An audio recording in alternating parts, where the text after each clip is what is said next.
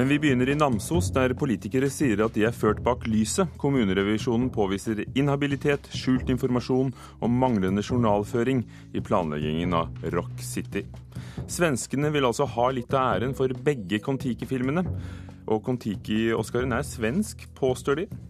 The Master er en informativ og kritisk film om hvordan scientologikirken ble til, og vi anmelder den som denne ukens premierefilm. Nyhetsmorgen i NRK P2 og Alltid nyheter. Politikere i Namsos føler seg lurt. I går fikk kommunen hard kritikk for behandlingen av Rock City-prosjektet. Kommunerevisjonen eh, la frem en rapport som viser mangel på kontroll både før, under og etter etableringen av ressurssenteret for pop og rock i Namsos. Jeg var sjokkert.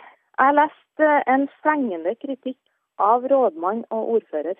Og eh, jeg følte meg lurt, rett og slett. Det sier Åste Marie Lande Linde, gruppeleder for KrF i Namsos. I en 25 siders rapport fra kommunerevisjon får Namsos kommune knusende kritikk for sin håndtering av Rock City-prosjektet. Og det er klart at eh, Kontrollutvalget uttrykker bekymring for den situasjonen kommunen er kommet opp i. Det sa Hilde Vatnar Selnes, leder for kontrollutvalget i Namsos kommune, i går ettermiddag da rapporten ble lagt fram. Rapporten er bestilt av Namsos kommune og viser at viktig informasjon er holdt tilbake, at kultursjefen har vært inhabil, og at prosesser generelt har vært prega av uklare muntlige avtaler. Jeg synes det er utrolig at det kunne gått så langt som det har gjort. Det er mye som har skjedd som ikke vi har, som ikke vi har visst. Det har vært holdt skjult mye. Det sier Marika Åkervik Pedersen, FrPs gruppeleder. Ordfører Morten Stene skriver i ei tekstmelding til NRK at han ikke har lest rapporten, men han registrerer at det har kommet kritikk av kommunens behandling av flere forhold i forbindelse med Rock City-saken. Han vil ikke komme med noen konklusjon før han kjenner alle detaljene. I 2011 åpna Rock City dørene og ga Namsos den statusen byen hadde drømt om så fryktelig lenge. Prudence sto på scenen, og trønderrockerne kom hjem. Der vi er vi best. Du kan se når det er fest. I dag går Rock City med 7 millioner kroner i underskudd og er i dyp økonomisk krise. Namsos kommune er største eier og garantist. Kommunen garanterte for et lån Rock City tok opp på 20 millioner kroner, i tillegg har kommunen garantert for en leiekontrakt i 20 år, med en kostnad som til slutt kan ende på 200 millioner kroner. Forvaltningsrevisor i kommunerevisjon Rikke Hove sa under framlegget av rapporten at det har vært svært mangelfull saksbehandling og kontroll, og retter sterk kritikk mot administrasjon og politikere. Mangel på mangel som blir, som blir avdekka. Eh, og Derfor er jeg jo på en måte glad for rapporten, selv om den er steinhard. Og rådmannen i Namsos kommune ønsker ikke å kommentere saken ytterligere enn eh, hva hun har gjort i selve rapporten. Kultursjefen i Namsos vil heller ikke kommentere saken før den er behandlet i kommunestyret neste torsdag. Reporter Kaja Kristin Næss.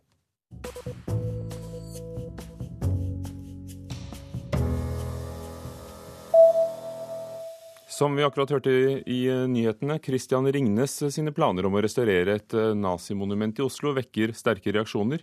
Det er et område som ble brukt som seremoniplass på det som under andre verdenskrig var nazistenes æreskirkegård på Ekeberg, der Ringnes også bygger skulpturpark. 22 professorer har nå sendt et brev til statsministeren der de klager på planene, skriver Vårt Land i dag.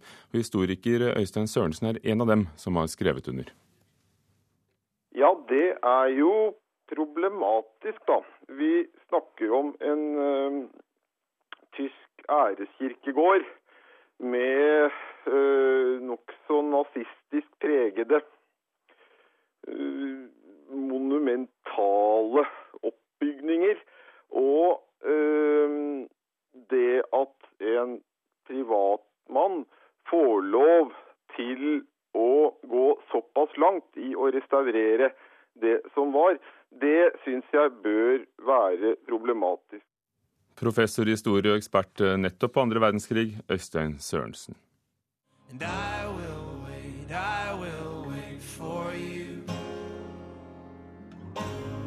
Men for den sun. Thanks very much indeed. I går eh, ble de store britiske musikkprisene, Brit Awards, delt ut i London. Og den vi hørte spille her, eh, var Mumford Sons, som ble kåret til beste britiske band. Emily Sandy vant beste kvinnelige artist, mens Ben Howard plukket med seg pris både som beste mannlige artist og beste nykommer i Brit Awards.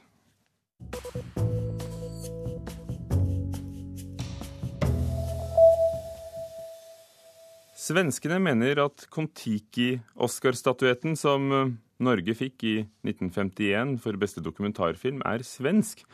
Nei, den er norsk, mener Kon-Tiki-museet. Har du hansker på deg? Så da... Hvite hansker må på når den eneste Oscar-statuetten i Norge skal ut av glassmagasinet den står i på Kon-Tiki-museet i Oslo. Her har vi den. Direktør Maja Bauge ved Kon-Tiki-museet løfter statuetten ut av glassmonteren. Oscaren er norsk. Men dette er ikke svenskene helt enig i. Nå vil de ha sin del av æren for dokumentaren Kon-Tiki fra 1951, sier informasjonssjef ved det svenske filminstituttet Jan Göransson. Den er jo til viss del svensk, så vi syns jo ändå at eh, lite guldglans eller guldstardust fra Oscarsstatyetten vil vi jo at skal komme inn i Sverige, forstås. Tor Heyerdahl måtte nemlig til Sverige for å få lage dokumentaren. Og det var svenske Olle Nordemar, mannen bak TV-seriene om Pippi Langstrømpe og Emil i Lønneberget, som var produsent for dokumentaren. Hvor mye han bidro, er det uenighet om. Vi mener helt klart at eh, statuetten den tilhører Tor Heierdal, Kon-Tiki-museet og Norge. Det sier direktør ved Kon-Tiki-museet, Maja Bauge. Og egentlig var det jo Tor Heierdal som var produsent. Så jeg tror det har blitt en liten miks med de her titlene. Og Olle Nordemar han sto for den tekniske delen, for klippingen og redigeringen og, og oppgraderingen av kvaliteten på filmen. Det var jo Olle Nordemar som var en sånn her eldsjel, og det er jo han som har produserat denne filmen. Og det mener det svenske filminstituttet. Det er jo oftest produsenten som får eh, ta imot når det er en beste film. Dere på det svenske filminstituttet eh, vil ikke røve den tilbake fra Norge, altså? Nei, det skulle vi aldri gjøre.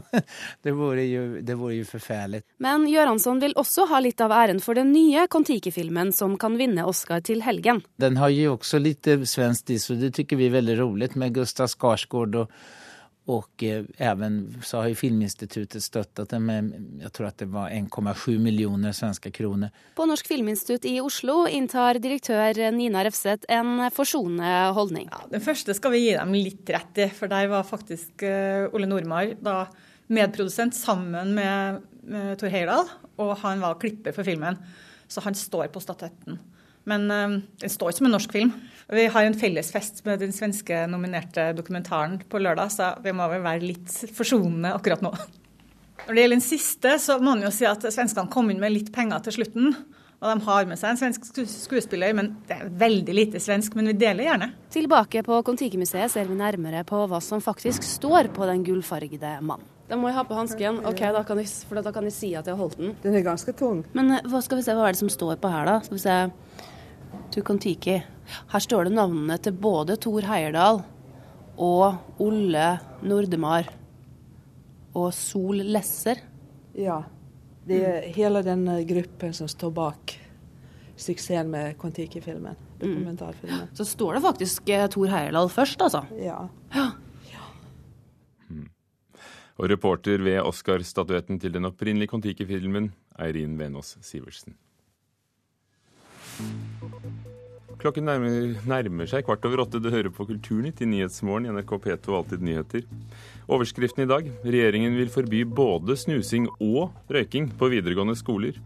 PST-agent var provokatør, mener venstresiden. Nei, mener Aftenposten-redaktør Harald Stanghelle. Og vi besøker et folkebibliotek på under fem kvadratmeter. Det lar seg gjøre. Vi hører om det senere i Kulturnytt. I natt presenterte Sony en eh, ny spillkonsoll, PlayStation 4, og Rune Haakonsen i Filmpolitiet i P3, som ofte snakker om nettopp spill i Kulturnytt. Du fulgte presentasjonen. Hva slags dings er PlayStation 4? Det her er en helt moderne og ny spillkonsoll som kommer ut mot slutten av året, hvor Sony har stappet inn det meste av ny teknologi for å imponere både spillere og ikke minst investorer som, som ser på selskapet. Og eh, foreløpig så må jeg jo si at jeg syns at de har oppnådd akkurat det. Du ble imponert? Jeg ble imponert. Over hva? Eh, blant annet eh, selvfølgelig da det de viste fram av teknologidemonstrasjoner. Men eh, også at de kobler maskinen veldig tett opp til internett og til sosiale medier. Gjør det veldig lett å dele spillinnhold, spillvideoer, og, og dele spillopplevelser med andre. Det, det, er nok en tilknytning som jeg tror gjør at denne konsollen kan bli en suksess. For det er jo nettopp det analytikere har snakket om, at både Sony med sin PlayStation og Microsoft med sin Xbox får mer konkurranse fra uh, nettbrett, mobiltelefoner osv. Vil dette være noe som gjør at de kan eh, komme seg på banen? Ja, og ikke minst det at de også inkluderer nettopp disse nettbrettene og mobiltelefonene i denne plattformen. De legger opp til en veldig sømløs overgang mellom det å spille på TV-en hjemme eller på en bærebar ting du holder i hendene. Og det er veldig spennende å se hvordan de tar i bruk sånn strømmeteknologi som vi har blitt kjent med via Netflix, inn i denne nye spillkonsollen, som jeg tror kommer til å endre litt måten vi spiller på. Hvordan da? Med at vi kan ta med spillene vi vanligvis har hjemme overalt. Eh, selv om du sitter på bussen, så kan du få tilgang til alt innholdet du har eh, hjemme eh, sømløst og trådløst. Mange har vanligvis spill, og, og noen har ikke vanligvis spill. Og, og, Hvilke spill er det du ser for deg blir mulige med denne teknologien? Det er veldig tidlig å si. og de, Det som ble vist fram på pressekonferansen i natt, eh, var i all hovedsak teknologidemonstrasjoner. Eh, så de, det som ble vist der, er nok litt vanskelig å, å, å, bruke for å peke ut en retning. Eh, så jeg tror ikke vi skal si at det blir en total revolusjon, men det var i hvert fall veldig spennende å se hvordan de tar i bruk dette sosiale aspektet i den nye konsollen. Ja, Hvordan skjer det? Fordi Lenge har det jo vært sånn eh, på PC-er at du spiller med andre online. Den forskjellen som er nå, er at eh, du kan dele den spillskjermen du har hjemme, altså det du har på din TV, med dine venner eh, med en gang. Altså trådløst hvor du er når som helst, slik at du kan også dele spillopplevelsene på en helt ny måte. Hvis du sitter hjemme og, og, og har et problem med et brett eller en, en, motstander, så kan du trykke på en knapp og sende dette rett til dine venner og, og få hjelp til det. Så det gjør jo at man kan samarbeide på en helt ny måte. Dette er første gang på syv år at Sony lanserer en ny eh, PlayStation. Hvordan står den seg i forhold til konkurrenter? Jeg tror nok den kommer til å, å, å bli en god suksess. Men det som var interessant, var at det var eh, ingen kvinner på, på scenen uh, i New York i natt. Noe som betyr at Sony retter seg inn, i hvert fall som jeg tolker det, at Sony retter seg inn mot et veldig uh, ungt og mannlig publikum. Um, og, og, og, de velger nok da sin retning med omhu for å, å, å tekke det publikummet, mens andre kanskje velger å inkludere familier, eldre og og kvinner på en litt annen måte, som f.eks. Nintendo gjør. Ja, og så kommer det altså en ny eh, Xbox eh, senere i år. Eh, hvilke forventninger har du, og hvor forskjellig kan disse firmaene klare å lage maskinene sine? Det vil nok være store forskjeller i måten man kontrollerer selve spillkonsollen. Jeg tror nok at Xbox, den nye Xboxen og PlayStation 4 vil, vil konkurrere om mange av de samme brukerne. Nemlig unge menn som har lyst til å bruke mye penger på dette. Så jeg tror, nok, eh, jeg, tror nok, akkurat det kommer til å stå i fokus for veldig mange uh, i tiden framover. Men at nettopp Nintendo og litt andre plattformer som nettbrett og mobil vil, vil holde grepet rundt familier f.eks. Og, og eldre. Takk skal du ha, Rune Haakonsen, spillanmelder i Filmpolitiet i P3. The Master er en av storfilmene som har premiere på kino denne helgen laget en av de store regissørene i USA, nemlig mannen bak Magnolia og There Will Be Blood, Paul Thomas Anderson. I denne filmen tar han for seg scientologikirken. Philip Seymour Hoffman spiller mesteren selv. Og begge, regissøren og skuespilleren, får oss til å svette på ryggen, sier vår anmelder Einar Gullvåg Staalesen. The Master forteller historien om scientologikirkens begynnelse. Lancaster Dodd er mesteren. Philip Seymour Hoffmann gjør ham farlig forførende. Han er en normal, svak mann. Tiden etter krig og krise er som skapt for forførelse. Filmen suggererer ikke denne nøktern. Derfor blir det klarere hvordan det religiøse fellesskapet skaper medlemmenes tankeverden. You scrub yourself and make yourself clean?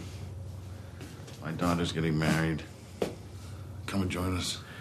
Philip Seymour Hoffmann er en av de fineste og minst glamorøse kunstnerne i filmens verden. Han befester den posisjonen nå. Det er mer som er fascinerende.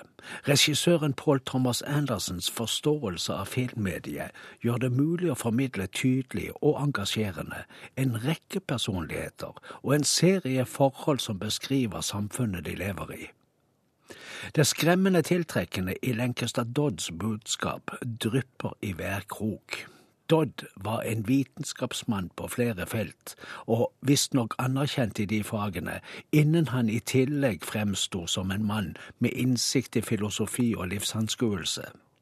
Han spredte sine tanker med religiøse midler. Was that me? What was you, darling? That man in the armor. Was that me? Yes, that was your spirit. Our spirits live on in the, the whole of time. Det begynte i en slags storfamilie. Der levde ulike mennesker ut sine liv og lyster i god standard, med yacht på havnen og vin til maten. The Master bygde et fellesskap, og han styrte tankene. Slik fremstiller filmen det. Scientologer vil naturligvis beskrive det annerledes. Do you love Doris? Yes. Is she the love of your life? Yes, sir. Why aren't you with her? I don't know. Yes, you do. Tell me why you're not with her if you love her so much. I told her I'd come back, and I never went back, and now I just I gotta get back to her. Why don't you go back? I don't know. Why don't you go I don't know. Close your eyes. Det er en stund etter andre verdenskrig. Filmens vei inn i historien går gjennom soldatveteranen Freddy, som helt tilfeldig, som ved en styrelse, ville vi sagt på Sørlandet, våkner opp på Lancaster Dodds yacht etter en av sine rusnetter uten kontroll. Han mikser drinker med det som er for hånden, og ser aldri nøye på etikettene. En kraftig slanket og sliten versjon av Joaquin Phoenix spiller Freddy med skjev munn og krigsskadet rygg og sjel. Han er god. Spillet er glimrende her. Også skuespillere med middels talent er helt riktige i denne filmen. Virkemidlene er raffinerte, stillheten er effektiv. Musikken er begrenset til autentiske lydbilder og referanser til den aktuelle etterkrigstiden.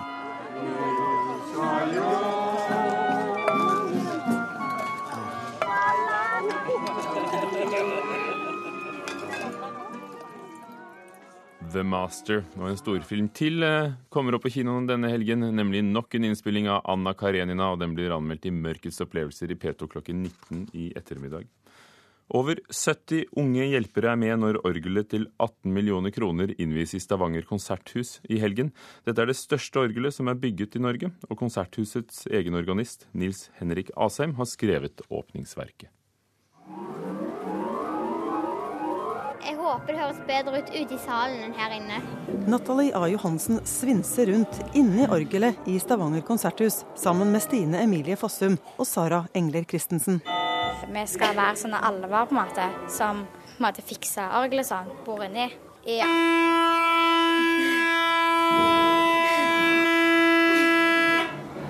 Det skjer av og til. Det er eh, en slags skapelsesfortelling om orgelet. Det er orgelet som eh, blir til. Husorganist og komponist Nils Henrik Asheim har rigget seg til med PC foran gigantorgelet i Konserthuset, som er blikkfang i den akustiske orkestersalen. Fredag er det offisiell orgelinnvielse, for ikke å si fødsel, med 50 unge blåsere og 25 dansestudenter og dramaelever på balkongene. Jeg skal, skal sette i gang lydene fra en datamaskin, og så styre litt registrene, altså klangene som går ut og inn av orgelet. Men eh, det er eh, datamaskinen som, som spiller på orgelet her. Det er eh, en idé om at orgelet skal oppstå fra, fra ingenting og av seg selv. Altså Orgelet har sikkert en sjel, tenker jeg. Hjerte som banker og sånt. Og lunger som puster. Så jeg vil gjerne høre det. da. Det er ikke sånn at dere heller ville vært ute i salen da, istedenfor bak her? Nei, ikke i det hele tatt. Nei, men det er jo kjekt. Det er på en måte en bedre opplevelse å være her enn å sitte og se på en konsert, liksom.